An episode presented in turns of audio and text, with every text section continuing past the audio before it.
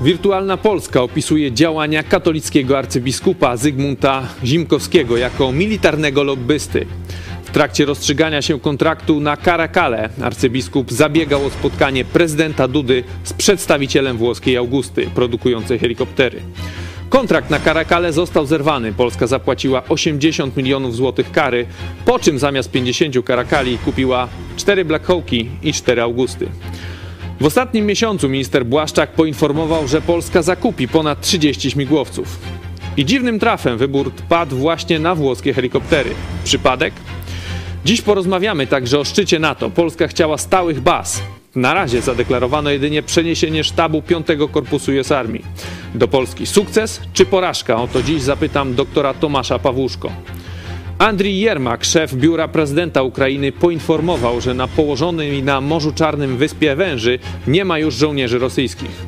Jeśli Ukrainie rzeczywiście uda się odbić tę wyspę, będzie to niewątpliwie wielki sukces. O tym więcej już za chwilę. To jest program Idź pod prąd na żywo. Tymoteusz Chojecki. Zapraszam. Jesteście przestępcami.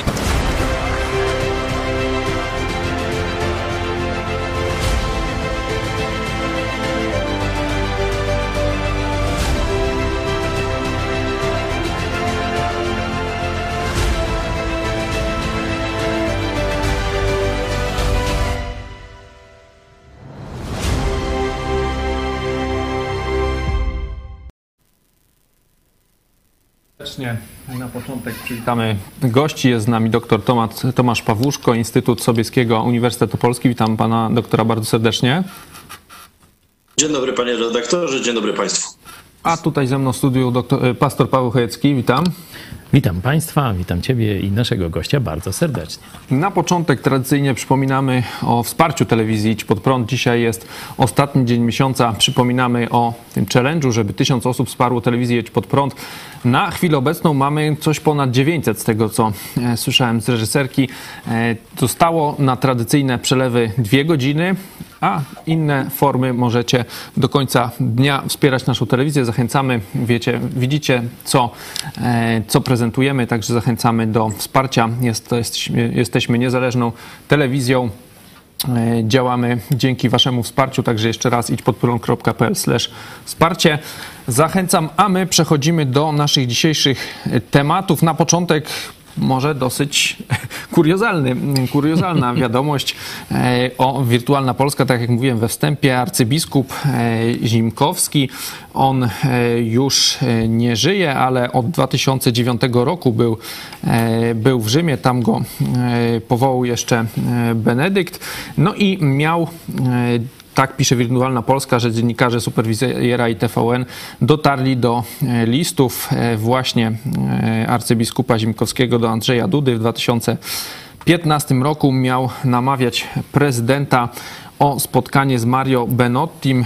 Ten z kolei miał reprezentować interesy grupy Leonardo, która właśnie produkuje helikoptery, także w Świdniku, tutaj pod Lublinem. Kancelaria prezydenta rzeczywiście potwierdza, że pismo wpłynęło, ale że nie, za, nie nadano sprawie dalszego biegu. No, dalej wiemy, co się stało. Karakali nie ma, innych helikopterów na razie też nie ma. No teraz MON na fali tych ogromnych zakupów deklaruje także kupno tych śmigłowców. Jak to, jak to w ogóle wygląda? Czy to jest coś dziwnego, że no osoba stamtąd ma jakieś być może znajomości z prezydentem Dudą, bo, z prezydentem Dudą, bo oni tam z, z, z podobnego miasta często się spotykali. Tam zdaje się Nowy Sącz, to był ich wspólne, wspólne miasto. Czy to jest coś niewłaściwego, czy to jest normalna gdzieś tam jakaś zakulisowa polityka, takie lobbowanie? Przekazywanie kontaktów, no bo tutaj łączy jednego może znajomego z drugim.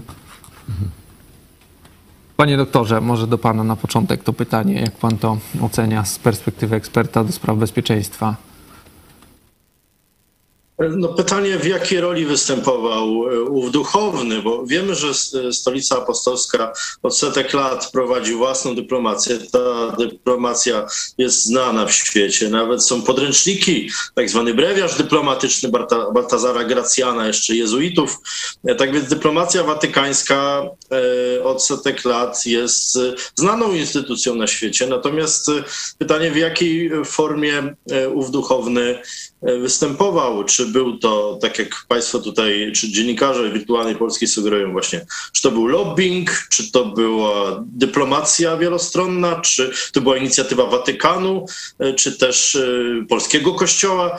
E, nie bardzo wiem, którą z opcji tutaj wybrać. Natomiast z punktu widzenia polityki międzynarodowej powiem tak. Włosi doskonale wiedzą, że mają słabsze karty niż Amerykanie, Brytyjczycy czy inni producenci helikopterów.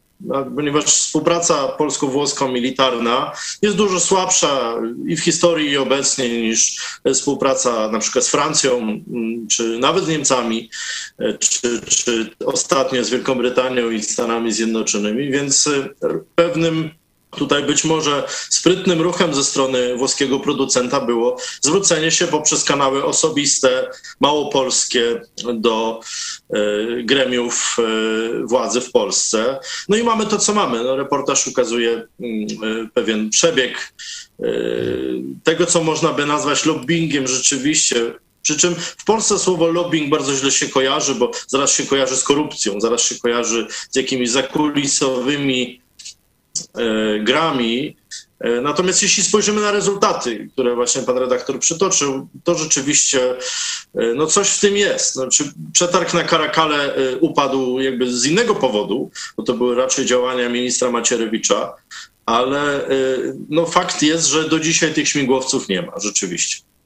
No tutaj pan y, powiedział właśnie y, o tych takich tych złych stronach lobbingu. Tutaj ten, ten pan Benotti, o nim też jest dosyć głośno, ten, ten którego miał kontaktować właśnie y, arcybiskup z prezydentem Dudo. O nich Wirtualna Polska pisze, że we Włoszech zrobiło się o nim głośno kilkanaście miesięcy temu, gdy wyszła na jaw afera z zakupem 800 milionów maseczek ochronnych za 1,3 miliarda euro. Wtedy okazało się, że tajemniczy biznesem właśnie ma świetne kontakty w Watykanie i w Rzymie. No ta firma Leonardo też e, dosyć e, często, tak pisze Wirtualna Polska, była kilkukrotnie łączona z aferami korupcyjnymi. Jak to się e, ma do tego, na przykład, może zapytam, do tego pacyfizmu papieża Franciszka, który mhm. przecież no, tak nawołuje do tego rozbrojenia, że dostawy broni są, są złe. Zanim, tutaj... zanim przejdziemy do tej właśnie najważniejszej kwestii duchowej i tej obłudy e, Watykanu, to chciałem nawiązać do tego, co jeszcze pan doktor powiedział, że e, Włosi mają słabsze karty, czyli mają słabszy helikopter. Nie?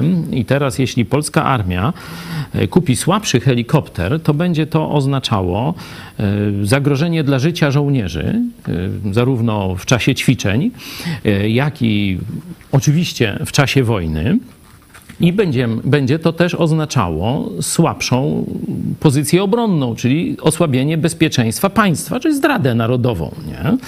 Warto, żeby no, Polacy usłyszeli to, w czym katolicyzm, bo przecież to jest arcybiskup, to jest człowiek z samej wierchuszki. Podejrzewam, że on nie robił tego na własną rękę tylko za zgodą innych oficjeli e, Watykanu, e, no, działał na rzecz, e, można powiedzieć, tego, by polski żołnierz nie miał bezpieczeństwa takiego, jakie polski rząd powinien mu zagwarantować, kupując najlepsze możliwe helikoptery. No i Polska miała słabszą kartę przetargową w starciu z Rosją. Nie?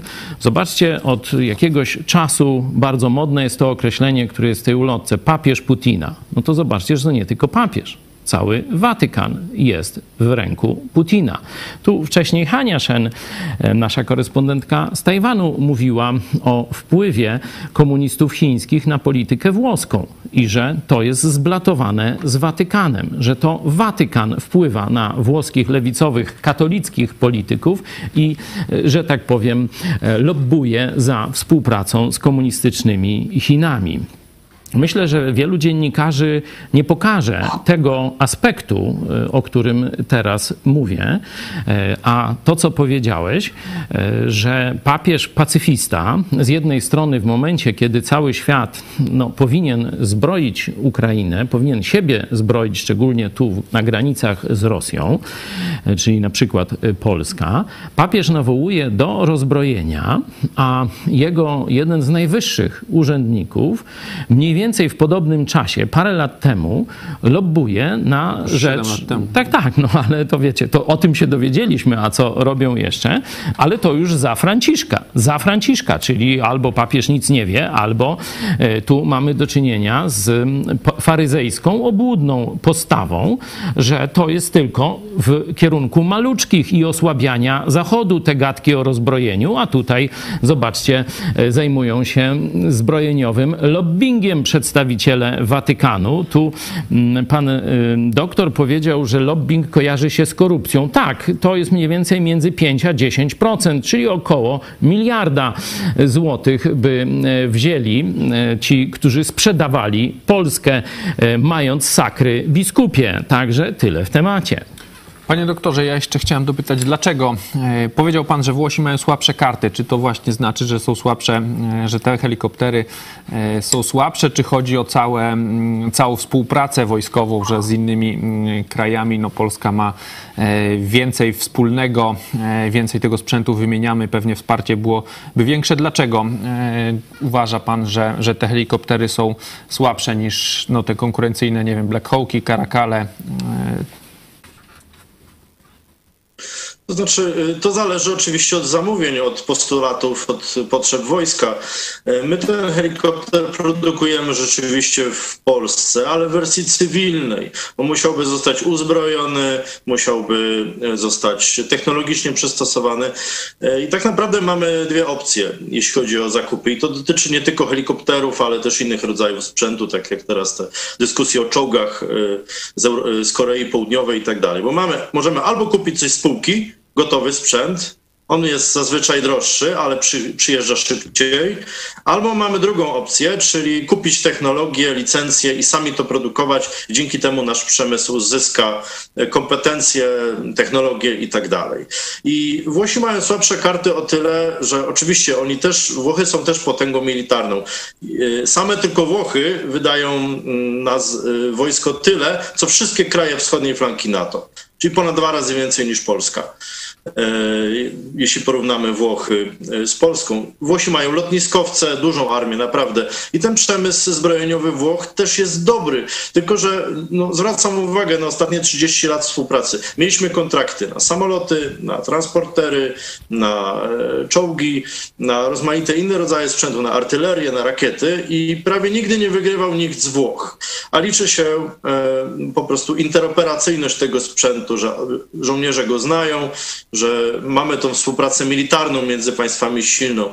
E, I tej współpracy nie było przez e, lata tak silnej, aczkolwiek Leonardo rzeczywiście no, jest wpływowy, ma fabrykę, e, to są miejsca pracy w regionie ważnym dla polityków partii rządzącej. I ja bym powiedział tak, że w tym sensie, no oczywiście, helikopter można dozbroić tak, że on będzie skuteczny. Ja bym tu zwrócił przede wszystkim uwagę na potrzeby wojska, bo no, Początkowo przetarg wygrał Karakal, prawda? Śmigłowiec taki cięższy. E, Polska musiała tą karę zapłacić. Ostatecznie śmigłowiec kupili Węgrzy od Francuzów w liczbie 36 sztuk. I teraz mamy pytanie, czy kupujemy znów helikopter europejski, w tym wypadku włoski, czy też na Amerykanie, którzy zaproponowali helikopter Cobra, który się teraz nazywa Viper, taki jeszcze helikopter, mm, który latał w Wietnamie, czy helikopter Apache, e, również e, ciężki helikopter do zwalczania czołgów i tak dalej. Tak więc no, pytanie, czego potrzebuje w tej chwili polskie wojsko, ta debata się toczy.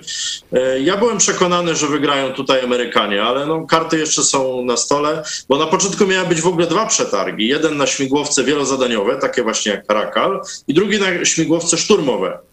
E, po kilku latach e, te dwa przetargi skrócono, zmniejszono do jednego. No i tak naprawdę czekamy na decyzję ministerstwa. E, prawdopodobnie ona będzie podjęta pewne decyzje na jesieni, a zakup będzie w przyszłym roku. Więc piłka jest w grze cały czas. Mhm. No właśnie, bo tak jak pan powiedział, przecież jak niedawno minister Błaszczak był w Stanach, no to tam już były takie tweety, takie, że tam mm, wskazujące na to, że Polska ma kupić Apache. Ja może zanim przejdziemy do szczytu NATO, jeszcze poproszę pana o ocenę właśnie tej ofensywy, powiedzmy, militarnej teraz. Jeśli e, jeszcze mogę Proszę. zdanie, że tutaj jedna rzecz to jest ta zdolność e, taka typowo technologiczna, wojskowa e, danego sprzętu, tu helikopterów, a druga to, jest, to są związki sojusznicze. To przecież nie włoska armia i nie włoska y, marynarka, czy, czy, czy, czy, nawet jeśli ma te lotniskowce, y, czy Francu Francuzi nie będą nas bronić. Nie? Jeśli to w jakichś tam szczątkowych, batalionowych, co najwyżej, albo może tam kompanie, nie? A główna siła, y, która może zatrzymać Rosję, to są Stany Zjednoczone. I tutaj, kiedy mamy ofertę amerykańską, kiedy mamy produkcję e, amerykańską w Polsce, w Mielcu, no to e, w ogóle zastanawianie się, oczywiście no, można się tam zastanawiać i udawać, że tam się kupi co innego, żeby cenę zbić, ale wybór jest oczywisty. E, każdy inny wybór to będzie wybór korupcyjny i tu Kościół katolicki pokazał, jak w tej korupcji uczestniczy. Panie doktorze, ostatnio Polska ogłasza mnóstwo tych zakupów. No to w ostatnich 20 latach to chyba tyleśmy nie widzieli tych, tych zakupów, co teraz e, ma być. Ma być 500 tych wyrzutni, HIMARS, ale największe w takim środowisku powiedzmy eksperckim, największe oburzenie no to wywołuje ta sprawa tych ciężkich BWP-ów, które Polska ma kupić z Korei e, Południowej. No bo przez ile już z 8 lat tego borsuka polskiego e, rozwijamy, tak, już w końcu jest ten prototyp, już ma być wdrażany do produkcji, no i na ostatniej prostej jednak stwierdza e, MON, że, że jednak on jest za słabo opancerzony, bo, bo miał, miał pływać, no a teraz może już jednak nie, nie musi pływać, no i, i wiele lat e, tego badania, no ma być dalej kupiony, no ale mamy dokupić tam, no różne padają liczby, tam 300, 500 tych, tych BWP-ów koreańskich. Jak pan ocenia tą, w ogóle tą ogromną teraz ofensywę, mm, taką, tak, ja to nazywam ofensywę w sensie pójść na zakupy i czołgi, BWP, samoloty też mamy z Korei e, kupować, tutaj helikoptery e, z Włoch. Czy, czy Polskę stać na takie zakupy? Jak, jak pan sądzi? Czy to są tylko takie na razie chwyty przedwyborcze? No rzeczywiście, ja zacznę od końca. Od tej strony politycznej rzeczywiście to wygląda tak, że e, obronność jest jednym z tematów, e, gdzie społeczeństwo się nie kłóci. Więc jest tu szansa na zdobycie poparcia politycznego przez partię rządzącą i to widać. W sensie no, wzrost roli ministra Błaszczaka, pokazywanie jego sprawczości, e, pokazywanie, że mógł być nawet następcą e, Jarosława Kaczyńskiego, co już się stało w rządzie de facto. Więc jest to wzmacnianie pozycji MONU, ponieważ MON od kilku lat pod przewodem ministra Błaszczaka no, pozycjonuje się jako taka instytucja skuteczna, która broni państwa. Teraz mamy okres wojny zaraz przy naszych granicach. Wcześniej był kryzys przy granicy z Białorusią. Dzisiaj zdaje się ukończono mur na tej granicy polsko-białoruskiej, więc no, MON się prezentuje jako aktywny, przyjęto nową ustawę. Natomiast co do kwestii sprzętowych, to jest bardzo złożona kwestia, tak naprawdę wiele kwestii. Mamy program modernizacji technicznej, on jest wyskalowany do 35 roku. Jednocześnie mamy zapowiedzi, że wzrośnie bardzo budżet, a to oznacza, że Polska będzie w przeliczeniu do PKB wydawać no, chyba najwięcej w Europie, obok Grecji. To jest bardzo dużo, to jest nagły wzrost i oczywiście ten wzrost nie pójdzie nagle na pensję, bo liczby żołnierzy nie zwiększyliśmy znacząco, są dopiero takie plany, więc to jest taka nadwyżka na zakupy zbrojeniowe. Tylko, że te zakupy, ich efekty przyjdą dopiero za kilka lat, bo czołgi będą za 2-3 lata, tak naprawdę samoloty za 5 lat, okręty za 12-13 lat. Himarsy też za kilka lat w takiej liczbie, więc to rzeczywiście robi wrażenie, taki festiwal zakupowy i na pewno uaktywniły się dzięki temu różne koncerny, lobbying, przecież będą targi MSPO w Kielcach we wrześniu, pewnie kolejne decyzje zostaną jakieś podjęte. Tak więc jest to taka ofensywa propagandowa z jednej strony, z drugiej strony wojsko na tym zyskuje. No pytanie, czy będziemy mieli dość żołnierzy, żeby obsłużyć to wszystko, bo no, rekrutację jesteśmy w stanie do wojska zwiększyć tylko w stopniu minimalnym, nawet teraz w akademiach wojskowych zwiększono nabór o 200-300 żołnierzy na akademię, no to jest około 1000 żołnierzy więcej będziemy rocznie szkolić. Odchodzi 2-3 razy więcej rocznie. Tutaj uśredniam, bo, bo nie znam dokładnych liczb. Ale no dla polskiej armii dobrze jest, żeby była pewnego rodzaju stabilność i oczywiście transfer technologii, zwłaszcza w tych obszarach, które u nas kuleją, bo mamy problemy z obroną przeciwlotniczą, to raz, a dwa z marynarką. I, i tutaj w tych obszarach najwięcej powinno być robione. Jest robione, ale no dość powoli i za to spektakularnie. Pytanie, czy to zadziała, czy to rzeczywiście odstraszy Rosję. No właśnie, powiedział Pan o tym wzroście liczebnym, bo to jest drugi z kolei taki chwyt. Mamy mieć 300-tysięczną armię. Teraz tam z WOT-em to mniej więcej jest 130-150, tam różne są te liczby. No ma być 6 dywizji chyba, tak? Teraz, teraz są 4, ale te dywizje mają być czterobrygadowe, teraz to są zwykle 3. No, ogromny wzrost liczebny.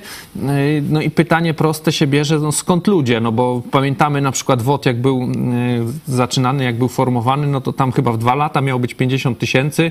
Minęło już dużo więcej lat, no a tam dalej tej liczby nie ma. Tam jest, zdaje się, 30 kilka tysięcy żołnierzy w WOCie. Skąd nagle no, dodatkowe ponad 100 tysięcy żołnierzy, czy to oznacza, że, że wróci jakaś zasadnicza służba obowiązkowa, no bo teraz jest taka, jest zasadnicza, ale jakoś dobrowolna, to się chyba tak nazywa.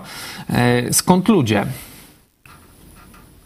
Szczerze, ja myślę, że tych ludzi nie będzie. Znaczy, będziemy w stanie dodryfować do 150 tysięcy. No, pewnym atutem wojska jest fakt, że w okresie tak dużej inflacji oferuje żołnierzom mieszkanie służbowe, czy, czy zakwaterowanie po prostu. I to jest dla zwłaszcza młodych osób, które wstępują do wojska, dobry argument, bo nawet jeśli ta pensja będzie poniżej średniej krajowej, czyli w okolicach marketu plus tam nadgodziny, to jednak to mieszkanie robi różnicę i, i też władze liczą na pewne patriotyczne uformowanie obywateli, czy też przeliczyli, że te klasy mundurowe, które są w liceach, że one dadzą więcej rekruta w przyszłości.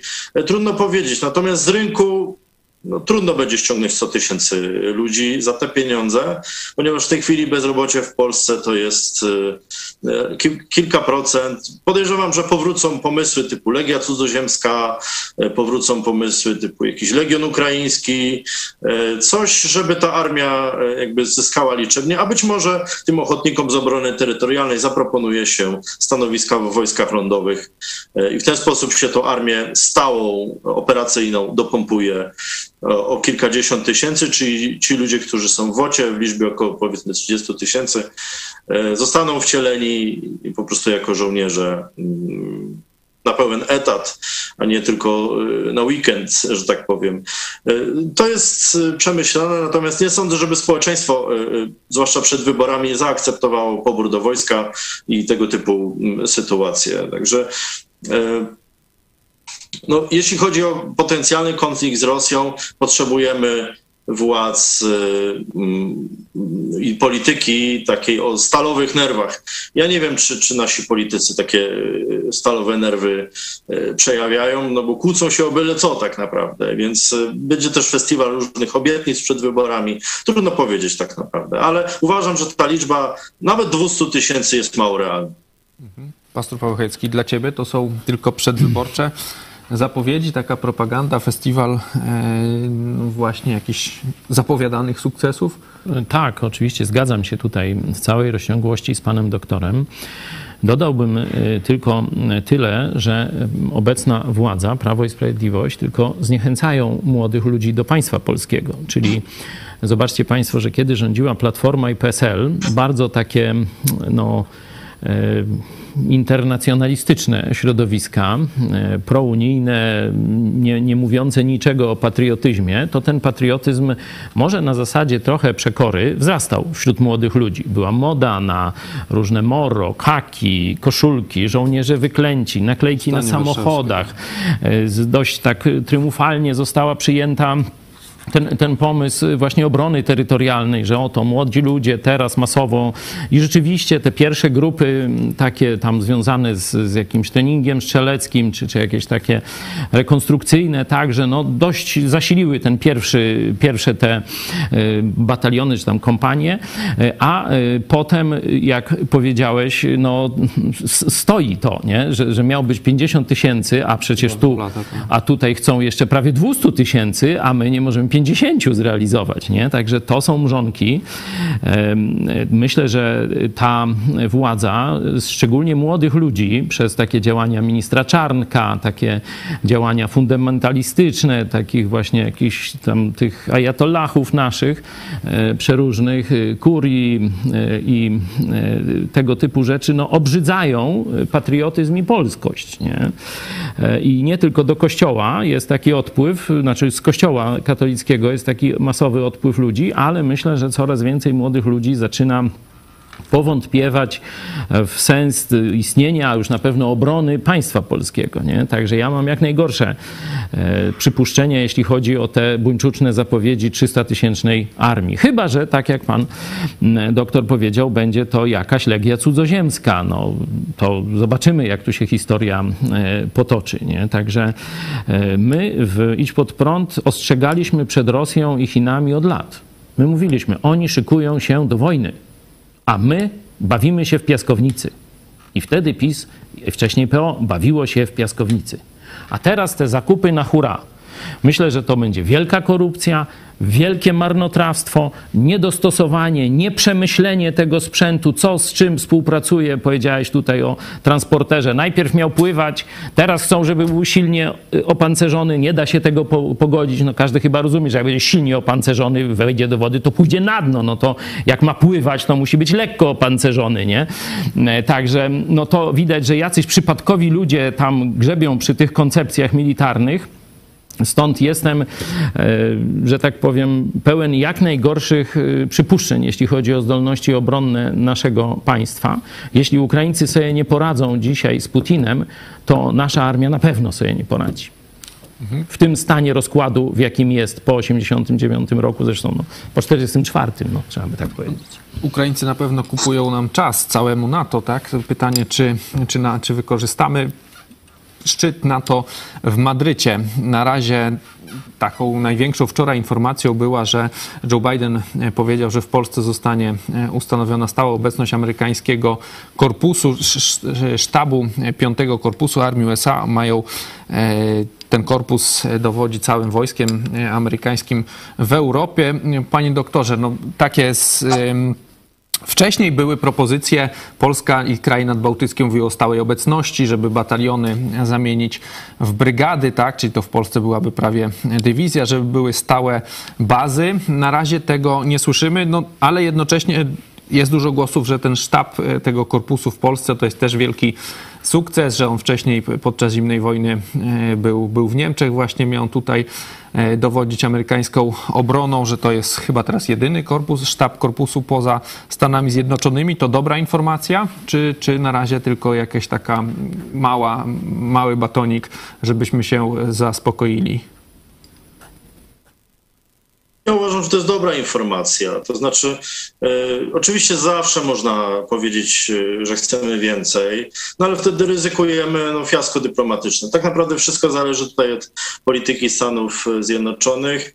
Stany Zjednoczone nie traktują naszego rządu jakoś tak hurra optymistycznie, jak to było jeszcze powiedzmy 10 lat temu. Natomiast Polska jest strategicznie położona pomiędzy właśnie Ukrainą, Rosją, krajami bałtyckimi, e, Europą Czarnomorską, graniczy z Niemcami, gdzie, są, gdzie jest większość sił amerykańskich w Europie. Także Polska jest niezbędnym elementem tej układanki, a dodajmy jeszcze Morze Bałtyckie, wejście Finlandii i Szwecji, czyli pogłębienie tej tej dominacji NATO na Morzu Bałtyckim. E, tak więc e, my potrzebujemy Amerykanów, Amerykanie trochę potrzebują nas e, i Ja uważam, że to dobrze, że to, że to dowództwo rozbudowano, bo ono liczyło 200-300 żołnierzy, taki sztab dywizyjny, teraz ma być sztab korpusu, czyli NATO się szykuje na ewentualne poszerzenie E, obecności wojsk w całej Europie Wschodniej, po to ten korpus jest. Że dowództwo już jest, jednostki wiedzą, gdzie mają być rozlokowane, kto będzie nimi dowodził i tak dalej. E, co do obecności rotacyjnej, również uważam, że to nie jest złe. To jest dobre, żeby żołnierze co trzy, co miesiące czy co pół roku zjeżdżali do domów i spotkali się ze swoimi rodzinami, żeby przyjeżdżali kolejni, e, żeby ta obecność e, jednostek wojskowych była rotacyjna, bo wtedy w ciągu kilku lat, kilkunastu lat, kilkadziesiąt tysięcy żołnierzy przez te nasze tereny się przewinie i będzie gotowych do walki w razie e, konfliktu. Także to, czy obecność jest stała czy rotacyjna w przypadku wojsk operacyjnych, moim zdaniem nie robi dużej różnicy na ten moment. E, inna sprawa, że my budujemy tak naprawdę kwatery dla kilkunastu tysięcy żołnierzy amerykańskich. Wielu żołnierzy amerykańskich już u nas jest e, i to też jest dobre. E, problemem pozostają, o czym też informują eksperci amerykańscy od wielu, wielu lat, co najmniej od pięciu lat, że mamy problem z logistyką. Znaczy, żeby przetransportować powiedzmy dywizję francuską czy brytyjską, mówimy nie o samolocie z spadochroniarzami, co zrobili Francuzi w Estonii, tylko o tym, co e, na wypadek wojny pełnoskalowej, że nagle potrzebujemy przerzutu kilkudziesięciu tysięcy żołnierzy i w wielu szacunkach wychodziło, że to potrwa miesiąc albo dwa. My nie mamy tyle czasu.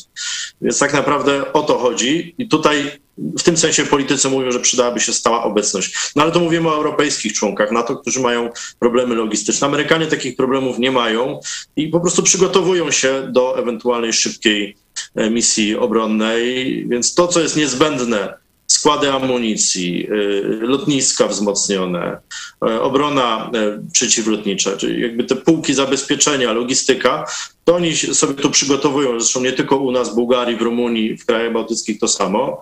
E, natomiast e, potrzebna jest też e, zdolność mobilizacyjna wojsk na wypadek szerszego konfliktu. Widzieliśmy, że w miesiąc po inwazji rosyjskiej na Ukrainę siły natowskie zgromadziły na flance wschodniej 25 tysięcy żołnierzy, więc to jest dosyć dobre, to jest dosyć szybkie. Potrzebujemy po prostu usprawnienia tego. Natomiast z punktu widzenia szczytu NATO i tak ważniejszym będzie przyjęcie Szwecji i Finlandii, e, czyli krajów neutralnych do NATO, bo to pokazuje, że polityka natowska e, jest w pewnym sensie sukcesem, że to jest sojusz, który gwarantuje bezpieczeństwo, inaczej tak poważne kraje by nie rozważały członkostwa e, w NATO w takim momencie.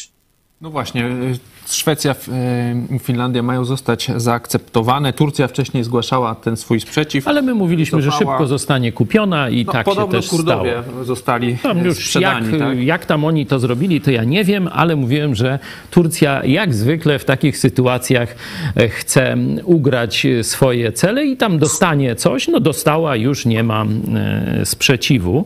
Jeśli chodzi o to kluczowe pytanie, czy to wystarczy, czy to dobra ta wiadomość z, z tym E, sztabem i tych kilkoma setkami oficerów, no to wszystko zależy od tego, czy rzeczywiście będzie rozwinięcie. No bo jeśli to ma być tych 500 nawet, nie więcej niż, niż dotychczas mm, oficerów, no to to jeszcze nie jest żadna, e, żadna no, jakaś przełomowa sytuacja. To właśnie to, co pan doktor powiedział. Jeśli będzie, e, jeśli to będzie temu towarzyszyło szczegółowe, szczegółowe plany dyslokacji, jeśli ta dyslokacja zacznie się pojawiać, jeśli będzie budowana infrastruktura do tej mm, dyslokacji, czyli drogi, magazyny, mosty, jakieś inne zabezpieczenie, schrony też e, przecież, e, to na to pytanie dzisiaj jeszcze nie znamy odpowiedzi. Tu bym nie zgodził się z panem doktorem, że ta obecność rotacyjna czy stała no nie ma wielkiej różnicy. Jednak no, e, po pierwsze Putin tu bardzo mocno protestował przeciwko stałej obecności, czyli coś tam w tym musi jednak być. No jeśli miałbym szukać, e, co odróżnia tę stałą od rotacyjnej, bo na pewno ten mm, e, składnik przeszkolenia wielu tysięcy żołnierzy, czyli wielu zmian na warunki polskie, e, to jest na plus obecności rotacyjnej, ale myślę, że bazy stałe, czyli kiedy tu z rodzinami przenoszą się, uczą się języka, wchodzą w kulturę, być może na uczelnie czy szkoły swoje dzieci posyłają ci żołnierze, no to oni będą całkowicie inaczej patrzeć na obronę tego kraju, czyli e, mentalnie e, to się zmieni i też myślę, że no, zmieniłoby się takie też i nastawienie Polaków, no bo teraz tu mieliśmy bazę w Zamościu, e, to z pierwszej ręki wiem, teraz oni tam gdzieś w okolicach Nowej Dęby i te, te okolice zajmują, no to tylko tam wzrosło spożycie wódki, nie? No to wiecie, no to żołnierze przyjeżdżają na krótko, nie z rodzinami, no to tylko taka będzie obecność w kulturze, nie? Ja bym chciał, żeby Ameryka rzeczywiście tutaj no, głęboko weszła w naszą kulturę, żeby pojawiły się silne związki i wzajemne oddziaływanie. Mhm. Ten szczyt cały czas trwa. Na razie też mieliśmy wczoraj wypowiedzi, no, które jednym się podobają, innym nie, bo możemy przeczytać, pan Stoltenberg powiedział, Rosja jest najważniejszym i bezpośrednim zagrożeniem dla bezpieczeństwa sojuszników oraz pokoju i stabilności w obszarze euroatlantyckim. Na przykład Aleksander Ścios to krytykuje e, właśnie tą wypowiedź, no bo mówi jak zagrożeniem, jak e, dlaczego jak nie wojna. wrogiem. No jest też wypowiedź też taka e, właśnie dosyć kuriozalna, bo mówi, że zostaną zwiększone siły oczywiście na wschodniej flance. Kraje NATO zdecydowały się też przekazać 2% PKB na obronność. I ciekawa informacja na samym końcu, a w ramach sojuszu redukowana będzie emisja CO2. To jest, tym się zajmuje NATO teraz. No, mamy jak. czwarty miesiąc już prawie wojny, tak? No ale jest też na przykład zdanie o Chinach, bo zwrócono uwagę, że Chiny dążą do kontrolowania kluczowych sektorów technologicznych, podważają ład międzynarodowy oparty na zasadach obowiązujących również w cyberprzestrzeni. NATO zwraca uwagę na Chiny. To też jest znak dopiero od, od niedawna, że to jest jakieś zagrożenie. Wcześniej Pod była prąd tylko to od dawna. Rosja. E, Panie doktorze, czy pan się spodziewa jeszcze jakichś dalszych y, po tym szczycie NATO, jakichś dodatkowych informacji odnośnie, nie wiem, czy pomocy Ukrainie, czy, czy zmianie funkcjonowania NATO tutaj na wschodniej flance, czy, czy to już jest na tyle najważniejsze, jużśmy usłyszeli? Myślę, że tak, bo to wiele będzie zależeć od bilateralnej deklaracji, zwłaszcza Amerykanów. Amerykanie cały czas wspierają Ukrainę, to już ponad 6 y, miliardów dolarów wysyłają sprzęt i członkowie NATO również zapowiedzieli mm, to że będą wspierać, ale jak? No to czekamy na kolejne deklaracje. Teraz będą, będzie lato, będzie trochę sezon ogórkowy mimo wszystko, więc będą różne ustalenia techniczne. No i mamy nadzieję, że ta wojna trochę przygaśnie. No i rzeczywiście na stronie czwartej mm, mm, deklaracji szczytu jest sporo o Rosji i, i tam jest napisane, że Rosja grozi przymusem, obaleniami, agresją i aneksją, sobie to wypisałem. Więc e, uznanie Rosji za zagrożenie jest jest jak najbardziej zasadne. Natomiast e, e, nazwanie kogoś wrogiem e, to jest de facto deklaracja wojny. I dobrze, że to stwierdzenie się tam nie znalazło. Rosja się pojawia bardzo często w tych dokumentach szczytowych. Chiny zdaje się dwa razy, ale ja też zwróciłem uwagę na hierarchię w dokumencie tych kwestii. Więc tak, najpierw mamy, to może się tu notatką sposiłkuję, mamy najpierw oczywiście Rosję, potem terroryzm, potem niestabilność Afryki i Bliskiego Wschodu, potem dopiero Chiny, ale Chiny są traktowane jako tak zwane wyzwanie, czyli to, co wcześniej było wobec Rosji. Potem cyber zagrożenia, potem technologie, potem erozja kontroli zbrojeń, e, a potem kwestie klimatyczne tak naprawdę. Więc te kwestie klimatyczne są na końcu e, dokumentu, są najmniej ważne. E, tak, tak mniej więcej to wygląda, jeśli chodzi o strukturę. E, myślę, że musimy śledzić konkretne zapowiedzi i ich realizację, bo jeśli Sojusz chce zwiększyć zdolności sił odpowiedzi z 40 tysięcy, czyli NRF-y, prawda, czy, czy podwyższenie NATO Readiness Initiative, do prawie 300 tysięcy żołnierzy, to to oznacza, że kilkaset tysięcy żołnierzy w Europie musi przejść na tryb właśnie gotowości bojowej. E, I to jest, może nie powiem, że przygotowanie do wojny z Rosją, ale jest to coś, czego przez wiele lat nie było. Na pewno będą rozszerzone ćwiczenia wojskowe na terenie Bałtyku i nie tylko. No i ważna jest zapowiedź zwiększenia dwu-, trzykrotnego obecności wojsk sojuszniczych w Polsce i w państwach bałtyckich, bo Tyle mniej więcej wychodzi, jeśli rozszerzymy te bataliony do brygad. Więc to oznacza e, prawie 10 tysięcy żołnierzy więcej na wschodniej flance, de facto na stałe, bo rotacyjnie to oczywiście może się nazywać tak lub inaczej, ale ci żołnierze w tej liczbie cały czas tam są. A 10 tysięcy żołnierzy natowskich to jest już dla Rosji pewien problem. Przy czym Rosja oczywiście zareaguje nuklearyzacją Białorusi będzie naruszać przestrzeń powietrzną, będzie prowokować, także musimy się z tym liczyć. I chodzi właśnie o szybkość, zdolność do odpowiedzi. Więc to nawet nie chodzi o masę wojsk czy masę sprzętu, ale zdolności do odpowiedzi, zdolności do obrony.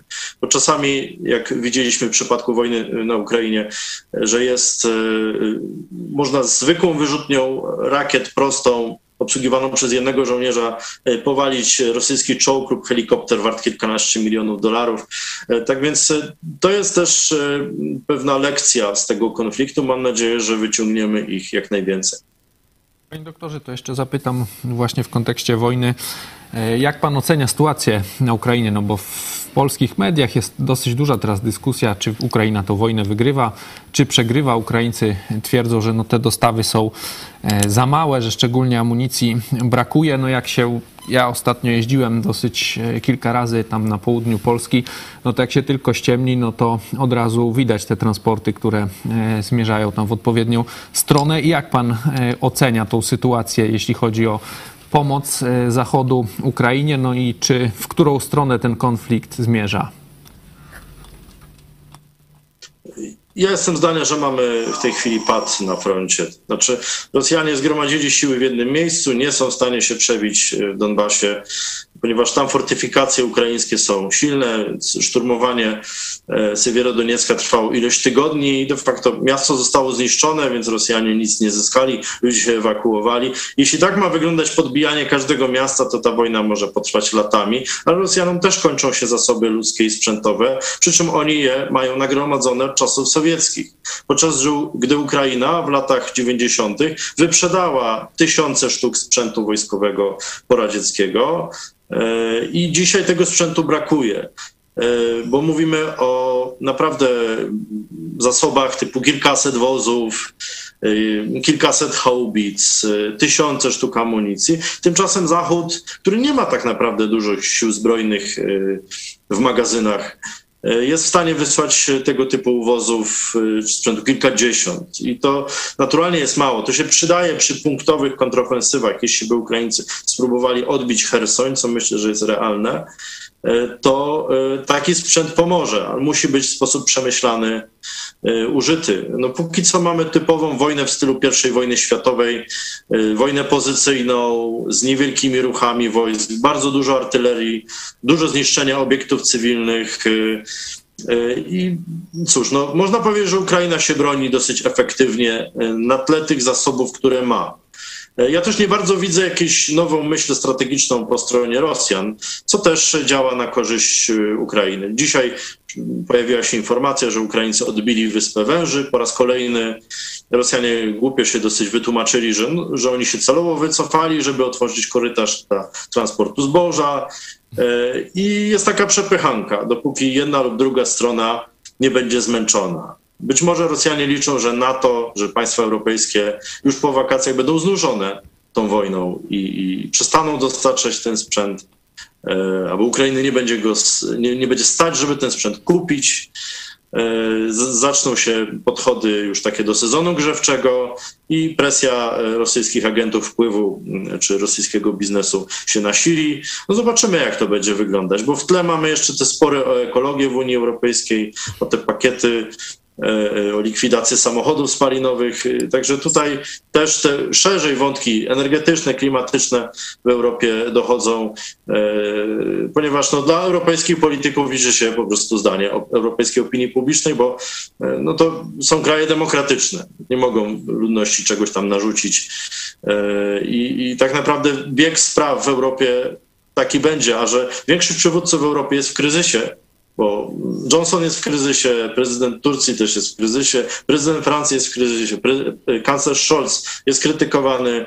W Polsce władza również nie ma dosyć mocnego mandatu. E, tak więc większość przywódców w Europie e, jest w kryzysie i Putin liczy, że być może ta jedność europejska e, się jakoś zawali. Póki co Amerykanie trzymają to wszystko, żeby tego konfliktu nie było. Tutaj na przykład marginalizacja Orbana w ostatnich tygodniach. No ale zobaczymy, jak to się wydarzy. Z tego co widzę, czeka nas taka wojna pozycyjna przez całe lato.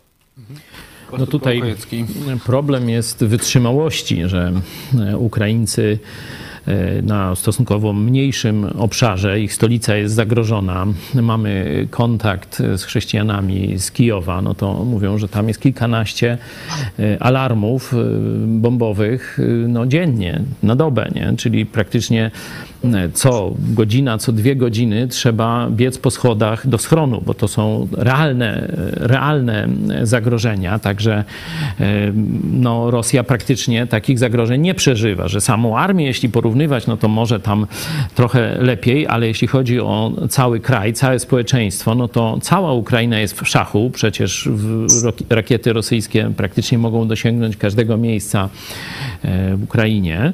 E, także tu e, wytrzymało wytrzymałość na tę długotrwałą, taką wyniszczającą wojnę, jaką Putin dzisiaj robi, rzeczywiście w stylu I wojny światowej, tylko z zwielokrotnioną e, siłą e, niszczenia, zabijania, mordowania i w przyjęciu za cele, tak jak w II wojnie światowej, właśnie e, centrów cywilnej siły żywej, żywej czyli wielkich miast. Nie? To jest taka krzyżówka I i II wojny światowej, to co w tych nalotach dywanowych tam się kiedyś robiło, czy, czy inne rzeczy. No to teraz y, to, to się dzieje na y, ukraińskich cywilach, na ukraińskich miastach. Stąd tu wytrzymałość Ukrainy jest y, no, dużo bardziej wyczerpana niż Rosji. E, stąd no, tu bardzo takie coraz gorsze nastroje po stronie ukraińskiej. I tu nie wiem, czy z tym szczytem NATO ta wypowiedź ambasadora w Niemczech ukraińskiego, który użył języka absolutnie niedyplomatycznego. To nie jest język parlamentarny, tak zwany, nie? Tam nie pamiętam, od durni ich, ich, ich... Chodzi, bo tu już też pan doktor mówił o tych rosyjskich agentach wpływu e, na Zachodzie i opinii publicznej. Chodzi e, tutaj o apel e, niemieckich naukowców i artystów. Oni napisali, że państwa wspierające Ukrainę muszą Czy niech się biskupi dołączą z tym lobbyingiem. Zadać sobie pytanie, jeśli chcą, co, jaki cel chcą osiągnąć. Zwycięstwo Ukrainy jest nierealne. Konieczne jest natychmiastowe zawieszenie broni. No, pod tym apelem podpisało się wielu profesorów. Tutaj też były emerytowany generał e, doradca wojskowy Angeli Merkel. No i ambasador Ukrainy w Niemczech skomentował ten apel wpisem na, na Twitterze. Tylko nie to znowu, co za banda pseudo-intelektualnych przegrywów. Wszyscy powinniście wreszcie pójść do diabła ze swoimi defetystycznymi radami. Pa. Tak napisał, rzeczywiście nie jest to tak. język dyplomatyczny. Przegrywy idźcie do diabła, nie? No bardzo ładnie, to tak troszkę jak obrońcy Wyspy Węży. E, to są e, ruscy, znaczy to są niemieccy kolaboranci Putina, nie? Oni e, wspierają go i to powiedział już wprost. Widać, że Ukraińcy rzeczywiście no, są pod ścianą, stąd ten otwarty tekst, że to są kolaboranci. Idźcie do diabła, nie? Czyli do swojego Putina I tak dalej. E, to jest, myślę, najlepszy komunikat, e, można powiedzieć, polityczny dzisiaj z Ukrainy, bo on pokazuje realną sytuację. Ukraina jest osamotniona, tylko praktycznie Stany Zjednoczone, Wielka Brytania, ale to jest około 10% potrzeb, jeśli chodzi o artylerię, amunicję i tak dalej. Przewaga po stronie wystrzeliwanych pocisków jest jak 1 do 10, że e, dziennie Rosjanie wystrzeliwują 60 tysięcy, a Ukraina może odpowiedzieć 5-6 tysiącami mniej więcej. Także e, to pokazuje, jakie ogromne straty są, szczególnie po stronie ludności cywilnej, bo właśnie e, choć Putin mówi, że oni precyzyjnie, tylko słowo precyzja po rusku to znaczy, czy rakieta poleci na wschód, czy na zachód. No i tyle. No to, to precyzyjnie, no bo Tyle poleciała mówione, że, w kierunku Ukrainy. No to już Putin... Kończą Rosjanom, no, no mają no nie, nie, cały jednak, słabsze te, wiecie, znaczy, to, strzelają tymi nieprecyzyjnymi, przecież cały czas to jest kilkadziesiąt lat produkcji uzbrojenia i szykowania się do wojny światowej. Przecież to Stalin już to rozpoczął w latach 40. przygotowywanie się po II wojnie światowej do kolejnej wojny, nie? E, także oni tego naprodukowali naprawdę niesamowite ilości i mają tego gdzieś tam za, zabunkrowane. Te wszystkie być może gadki o rozbrojeniu to były tylko, że przewieźli dalej na Syberię, a teraz przywożą z powrotem to. Także y, mówienie o tych wyczerpaniu się zasobów Rosji jest wątpliwe rzeczywiście. Panie doktorze, zapytam, no bo mówimy o tym apelu e, niemieckim tych profesorów, ale w Polsce też mamy podobny podobny apel, e, niezależna go cytuję. E, podstawowym czynnikiem, jaki stoi często u powodów wojen, jest strach. W tym wypadku jest to strach Rosji przed rozszerzeniem się NATO oraz strach państw sąsiednich przed potęgą Rosji. Innym z powodów obecnej wojny, o czym się mniej mówi, jest wprowadzenie zmian w ustawie językowej na Ukrainie, dyskryminującej językową mniejszość rosyjską. Tak głosi apel. Został podpisany i teraz ciekawostki. Grzegorz Braun, nie, no to Profesor nie jest ciekawostka. Mirosław Piotrowski, to jest ciekawostka. O, to jest ciekawostka. Profesor ale... Włodzimierz Koraba Karpowicz i doktor Leszek Sykulski. To jest też mniej może znana postać, ale zanim o nim powiemy, jak to... Panie doktorze, czy to jest właśnie taki apel, o którym pan y, przed chwilą mówił, że tutaj no to strach jakiś, ta zła ustawa jakaś, y, że to chodzi o język, to usprawiedliwia taką wojnę? Co pan sądzi o tym apelu? No cóż, muszę przyznać, że mieliśmy na uniwersytecie awanturę, bo jeden z wymienionych e, sygnatariuszy listu jest naszym pracownikiem, e, no i dyrekcja się od tego odcięła oczywiście. No, natomiast e, to są argumenty z tak zwanego realizmu geopolitycznego, tego prawa silniejszego, że trzeba rozumieć drugą stronę, że, że Rosja została skrzywdzona, bo NATO się rozszerza. W związku z tym ta strefa wpływów e, Rosji się zmniejsza i Rosja jest gotowa użyć broni, żeby tej swojej strefy wpływów e, bronić, tak? No to jest, to by zasługiwało na długą debatę, taką z pozycji też intelektualnych, bo E, oczywiście media to przedstawiły jako takie uzasadnianie rosyjskiego imperializmu, bo de facto do tego się sprowadza skutek tego listu. Ja go mam tutaj gdzieś w całości wydrukowanego.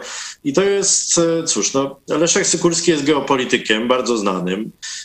W zasadzie od podstaw stworzył geopolitykę w Polsce, potem się pojawili inni, tacy jak Bartosiak, którzy nadali medialny wymiar Natomiast y, no właśnie intelektualne dziedzictwo y, to jest robota e, Leszka Sykulskiego. Zresztą mam tutaj parę ich książek. Gdzieś tam nawet sam coś pisałem, ale to jest po prostu pewnego rodzaju środowisko. Dla mnie zastanawiające jest, że te książki około tydzień temu zniknęły ze wszystkich księgarni. Zastanawiam się dlaczego. E, a co ciekawe, książki te sprzedawała, akurat te sprzedawała Fronda. E, tak więc e, radykalne, konserwatywne, katolickie środowisko intelektualne, które też jakby zafascynowało się geopolityką kilka lat temu. Profesor Korab Karpowicz jakiś czas temu, zdaje się, ogłosił się prezydentem Polski. Jeśli chodzi o nie pamiętam, jakie było uzasadnienie, ale ale to też jest dosyć intelektualnie ciekawe. Y, no, co do postaci Grzegorza Brauna, no, on jest dosyć znany w opinii publicznej. Natomiast tego typu list, oczywiście on będzie miał mniejszą rangę niż ten list niemieckich intelektualistów. Y, ja mam wrażenie, że tutaj y, jest w Polsce również dosyć duże środowisko osób, które no, sprzyjają Rosji, tak? czy jakby, albo inaczej, y, rozumieją Rosję, uważają, że rozumieją Rosję. E, I rzeczywiście czytają, są cytowani w Rosji, są wydawani w Rosji. E, więc jeszcze takie okruchy panslawizmu z XIX wieku, że Rosja to jest takie centrum słowiańszczyzny, być może nawet jakiegoś duchowego odrodzenia, takie różne idee się też w tym środowisku e, pojawiały. No ci autorzy, no mówię tu zwłaszcza o tych dwóch pierwszych, e, to są dosyć dobrzy pisarze. Miewają sensowne argumenty, natomiast tego typu e, jakby wzięcie udziału w bieżącej dyskusji politycznej, bo o to tu chodzi, no chyba im nie wyszło. Zdaje się, pamiętam, Mark Lila napisał kilkanaście lat temu taką książkę lekkomyślny umysł, o tym jak często intelektualiści z powodów idealistycznych popierają jakąś politykę jakiegoś reżimu. I tutaj Heidegger, Benjamin, czyli i z prawa i z lewa różni autorzy, którzy popierali gdzieś tam nazizm czy, czy, czy komunizm w różnych etapach. Wielu wybitnych intelektualistów. No. Zazwyczaj jest też lokalna wersja tego fenomenu, no i wydaje się, że właśnie to obserwujemy. Mhm. Pastor Pałchecki, co ty sądzisz? No tutaj od e, Profesor Piotrowski to jest e, dosyć duże Mhm. zaskoczenie, bo kiedyś, no znamy zresztą go dosyć dobrze, bo to w Lublinie był wiele lat europosłem, bardzo blisko związany. No, osobiście nie miałem, Maryją. nie miałem nieprzyjemności e, poznać, tam może gdzieś Ale tam, kiedyś pamiętam, Marian Kowalski jakoś go zastępował w jakiejś debacie, tam jeszcze jak był To euro. może być, ale. Leszek Sykulski z kolei bardzo mocno e, promowany swego czasu przez e, Xaviera Messinga, autora książki 46 sekund. No to pan doktor tu powiedział, że no on był bardzo znany, znaczy pewnie jest, nie? We wszystkich tych kręgach, które zajmowały się geopolityką, a rzeczywiście e, była i jest na to moda. No widać, że, że tu geopolityka jest w grze, no bo właśnie chce Putin zmienić granice i, e, że tak powiem, uważa, że ma właśnie geopolitycznie prawo, no bo to jest jego strefa wpływów, a tu jacyś Ukraińcy chcą niepodległego państwa, to w ogóle nie, no. E, Także tego pana Sykulskiego zostawię, już pan doktor go tu omówił, ale pan Piotrowski y, to jest ciekawa e, persona, Em, znaczy nieciekawa, tu, ale w, w tym sensie, że warto się nad nią pochylić.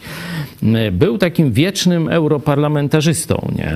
I to zawsze chyba. go popierał na sztywno ksiądz towarzysz Rydzyk. Nie? To warto o tym pamiętać. A ksiądz towarzysz Rydzyk, no to już wielokrotnie był posądzany o różne związki z Moskwą, także bezpośrednie, czyli wynajęcie anten do nadawania Radia Maryja właśnie przez, y, przez rosyjskie tu podmioty.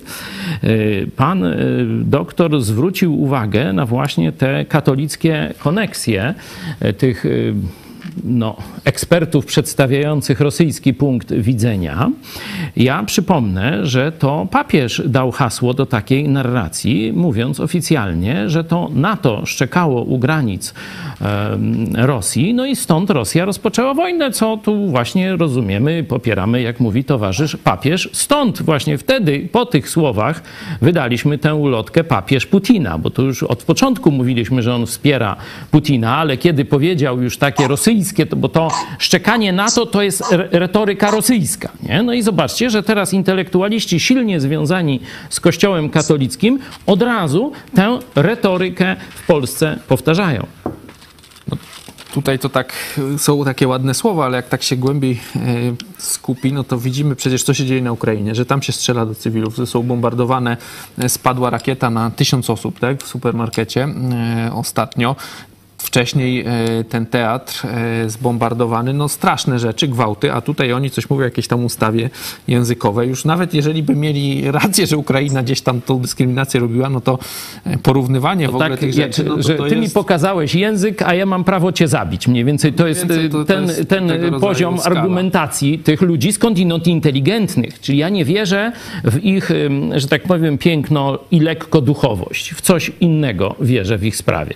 Ta kwestia tego, że czym ktoś właśnie bardziej tak jest ostentacyjnie katolicki, tym często jest prorosyjski, to już któryś raz obserwuję. Na przykład ostatnio też mocno w sumie się zawiodłem, bo gdzieś tam zawsze oglądałem te walki i Tomasz Adamek, y, znany już teraz y, na emeryturze, chyba chociaż tam nie wiadomo, polski y, bokser, mistrz y, świata, też ostatnio się wypowiedział na temat bardzo katolicki, to, to wiemy tam. Nie no, ja słyszałem, że... Nie powiedział, że to jest tam wojna domowa i to tam on nie będzie tutaj. Bokserzy mają pewien problem, nie? Tu bym, tu bym rzeczywiście mm, z tymi walorami się jakoś zmierzył, nie? Że tam może coś... Sugeruję. Okej, A Długa kariera, no i tam Okej, przejdziemy. ciężkie ciosy, ciężkie myślenie. Przejdziemy na koniec do, e, do Waszych e, pytań.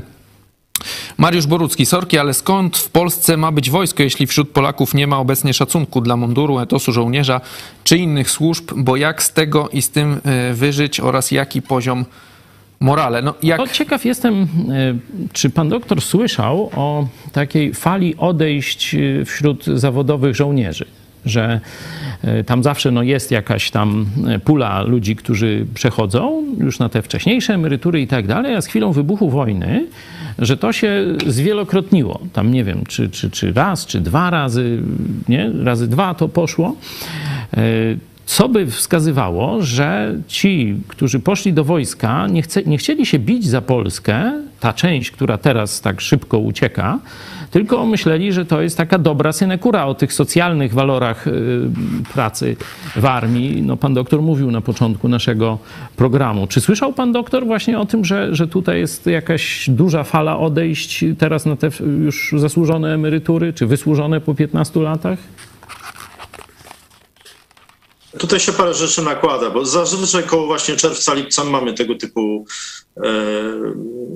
informacje, ponieważ e, żołnierz odchodzi na, na przykład za 6 miesięcy po ogłoszeniu tego odejścia, więc oni odchodzą, e, jak składają papiery, jak, to się mówi w wojsku, rzucą, rzucają kwitem e, czerwiec, lipiec, zazwyczaj przed urlopem i potem to odejście jest styczeń, luty, tak żeby tam uniknąć dodatkowego opodatkowania i, i tak dalej. Także natomiast tutaj dochodzi parę rzeczy. Ja nie sądzę, że to chodzi tylko o wojnę. Rzeczywiście, tak jak pan pastor wspomniał, był taki okres w Polsce, kiedy żołnierz mógł otrzymać emeryturę po 15 latach służby. Czyli osoby, które mniej więcej poszły do wojska w połowie pierwszej dekady tego wieku, już odsłużyły te 15 lat i mogą iść robić coś innego, a że rynek oferuje lepsze pieniądze niż wojsko na przykład. No, można zostać kierowcą ciężarówki za 10 tysięcy złotych, prawda? To jest dwa razy więcej niż zarabia żołnierz.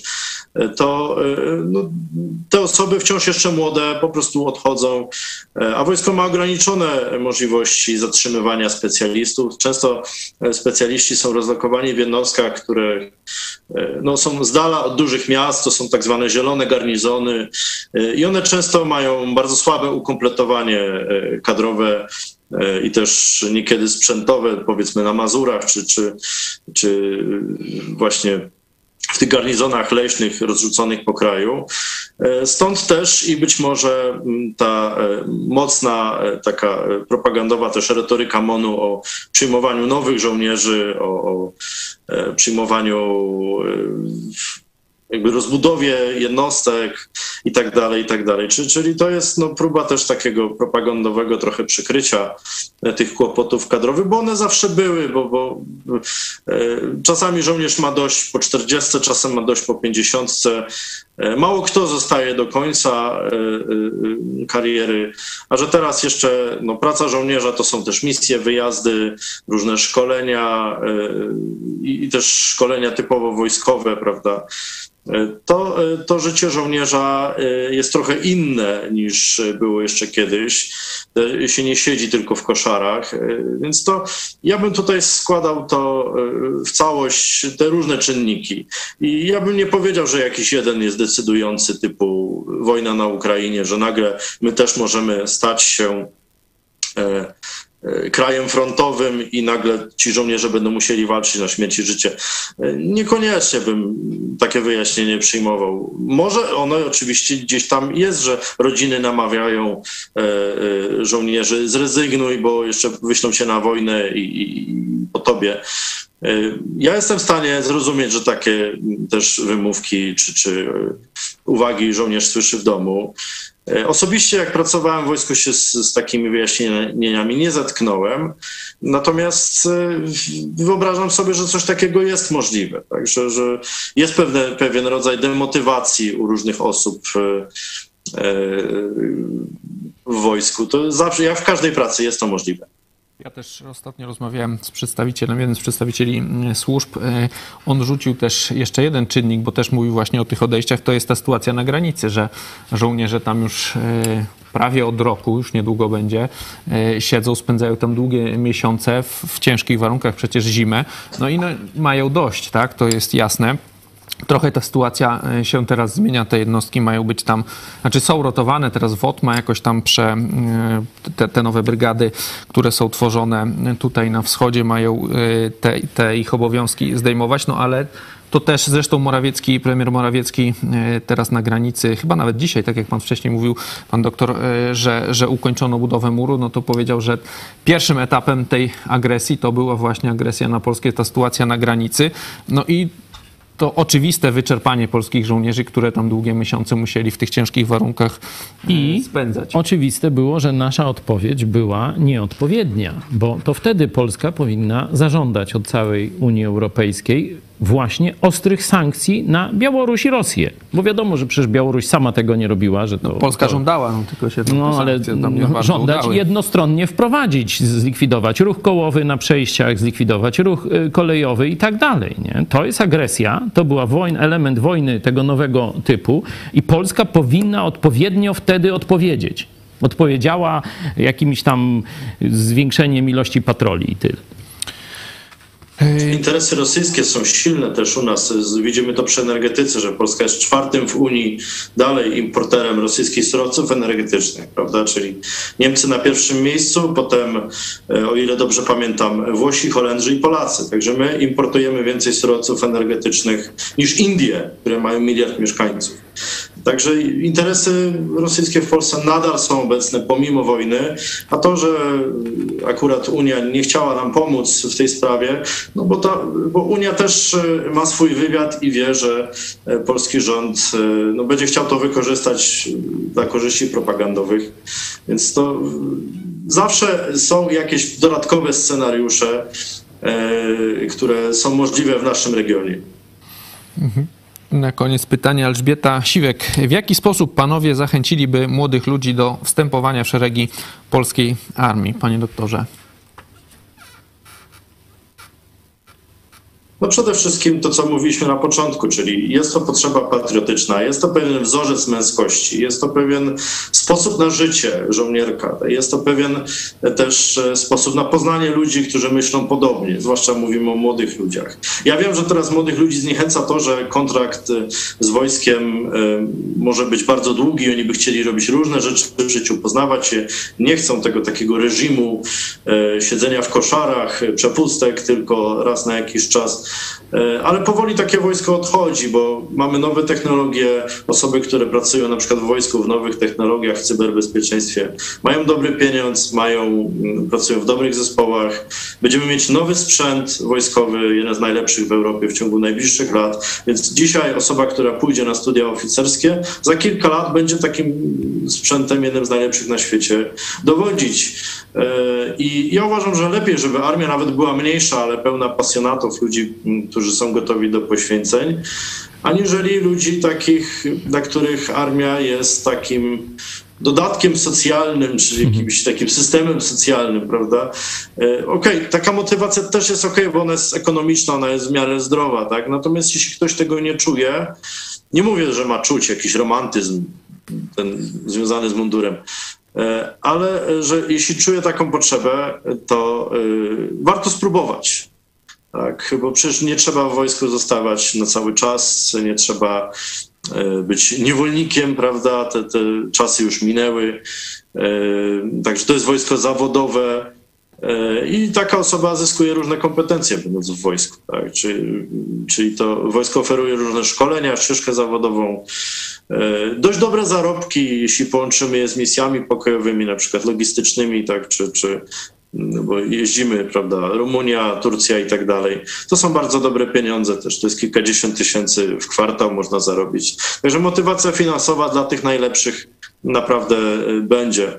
E, Poza tym Wojsko jest dosyć dobrym pracodawcą, zwłaszcza w Polsce Wschodniej, e, gdzie nie ma dużych firm, prawda, producentów. Wojsko jest dobrą alternatywą też zawodową, bo oferuje pewne standardy pracy niespotykane w prywatnych firmach produkcyjnych, e, różne dodatki służbowe. Także dwie rzeczy bym podkreślił na koniec, czyli jakby ta sprawa morale, czyli pasji, e, a z drugiej strony ta sprawa materialna, tak? bo to wojsko pewne mm, też korzyści oferuje, e, które mogą dawać satysfakcję młodemu człowiekowi.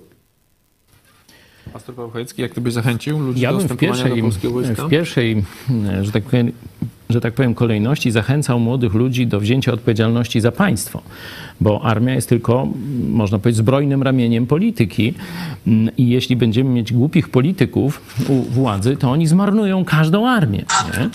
E, także przede wszystkim bym młodych ludzi właśnie w tym kierunku odzyskajmy państwo. Zabierzmy je z ręki ludzi postkomuny czy katokomuny, tak jak widzieliśmy biskupa e, lobbującego przeciwko e, Polsce właśnie w tym kontrakcie zbrojeniowym. Dopiero wtedy będzie można pokazać, to jest dobre państwo, to jest armia, która ma tego państwa bronić. Wtedy, tak jak powiedział mm, pan doktor, nie tylko prywatnie mi się to będzie opłacać, jakaś tam pensja, tylko po prostu będzie się opłacać mojej rodzinie, moim dzieciom, moim bliskim, mojemu miastu i tak dalej. A jeśli chodzi o takie, taką zachętę bezpośrednią, to myślę, że to od przedszkola, od małego, jakie dzieci, dzieciom zabawki kupujemy, nie? Przecież ile było w mediach, także rządowych, takiej demilitaryzacji przedszkolu, przedszkoli, szkół, placów zabaw, żeby się nie bawić tam czołgami, nie wiem czym tam jeszcze, że to bardzo źle i tak dalej, nie? Potem zabranie e, strzelectwa. Przecież no, nawet za tak zwanej komuny, no to tam człowiek w liceum tego prochu z KBKS-u trochę powąchał, nie? I dla wielu to była przygoda, którą później chcieliby jakoś kontynuować, nie? Że to coś fajnego dla młodych ludzi. Widzieliście, jak PiS y, do tego niemrawo podszedł. Program mm, Strzelnica w, każdej, w każdym powiecie chyba, nie? Już tak, nie tak. powiem gminie, no to w każdym... I zobaczcie, otworzyli jedną z hukiem i do widzenia, nie? Także to jest, to jest to jest atrapa państwa. I trudno, że tak powiem, zmuszać ludzi, czy, czy jakoś szczególnie przekonywać, żeby angażować się w atrapę. No. Przechodzimy już e, do ogłoszeń. E, dziękuję Wam za dzisiejszy program. Dzisiaj o 18. Wyjątkowy program dzięki wpłatom telewizji, widzów telewizji Idź Pod Prąd my wysyłamy transporty z najpotrzebniejszymi y, artykułami na Ukrainę i o tej akcji dzisiaj odpowiedzą Wam Dmytro Netrebenko, misjonarz Campus Crusade for Christ i Grzegorz Dolecki. Także dzisiaj o 18 bardzo ciekawy materiał. Przy tej okazji jeszcze raz przypominam o wsparciu telewizji Idź Pod Prąd. Dzisiaj ostatni dzień miesiąca, także pod, to już mamy... godzinę zwykłym przelewem, zdaje Tak jest. Na dzisiaj mieliśmy na rano 900 osób wsparło w czerwcu telewizję Idź Pod Prąd, także do tysiąca jeszcze trochę brakuje, także czeka nas gorący Finish. E, polecamy Wam także na portalu idźpodprąd.pl najnowszy artykuł. Skandal Kuria. Kaliska nie chce zapłacić ofierze księdza. Nie zrezygnuję i doprowadzę sprawę do końca. Bartek Pankowiek w telewizji Idź Pod Prąd po programie Pomyśl Dziś Pastora Chojeckiego Jak zmusić diabła do ucieczki, a także kartka z kalendarza Piotra Setkowicza Śmierć Jana Samsonowicza. My się będziemy z Państwem już żegnać. E, z nami był dr Tomasz Pawłuszko. Dziękujemy panie doktorze za dzisiejszą rozmowę. Dziękuję i pozdrawiam. Dziękujemy również pozdrawiamy. Pastor Paweł Chojecki, dziękuję. Bardzo dziękuję. Państwu dziękujemy za uwagę i zapraszamy na godzinę 18. Do zobaczenia. W kręgach zielonoświątkowych i charyzmatycznych często e, prze przedstawia się przeróżne recepty, jak wyzwolić się od wpływów szatana. I tam różne, od egzorcyzmów, po jakieś modlitwy specjalne, po przemawianie do szatana, wyganianie szatana i takie różne sprawy. Niestety ci ludzie, którzy takie pseudomądrości głoszą, e, nie czytają Biblii ja wam przeczytam. Prosty przepis uczniów Jezusa Chrystusa na to, by diabeł od nas uciekł. No zobaczcie, nie wierzycie? Proszę, otwórzcie sobie list Jakuba. E, to jest rozdział czwarty. Najpierw w szóstym wersecie jest pewna prawda o Bogu i o naszej relacji z Nim. Bóg się pysznym przeciwstawia, a pokornym łaskę daje. I teraz jest wniosek, zastosowanie tej prawdy. Przeto poddajcie się Bogu, przeciwstawcie się diabłu, a ucieknie od was. Zobaczcie, na pierwszym planie nie jest jakieś e, tam egzorcyzmy, jakieś e, przemawianie do diabła i tak dalej. Pierwszy plan – to jest Twoja relacja z Bogiem przez Jezusa Chrystusa, jak widać z kontekstu całego listu. Czyli Pierwsza rzecz to jest przybliżyć się do Jezusa Chrystusa. I to jest gwarantem sukcesu. Jeśli jesteś blisko Jezusa Chrystusa, oznacza to, że jesteś daleko od ciemności. Wtedy diabeł nie ma co robić. Mówi, skuszenie takiego delikwenta czy delikwentki to strata czasu. Jeśli jesteś blisko Jezusa, diabeł ucieknie od ciebie.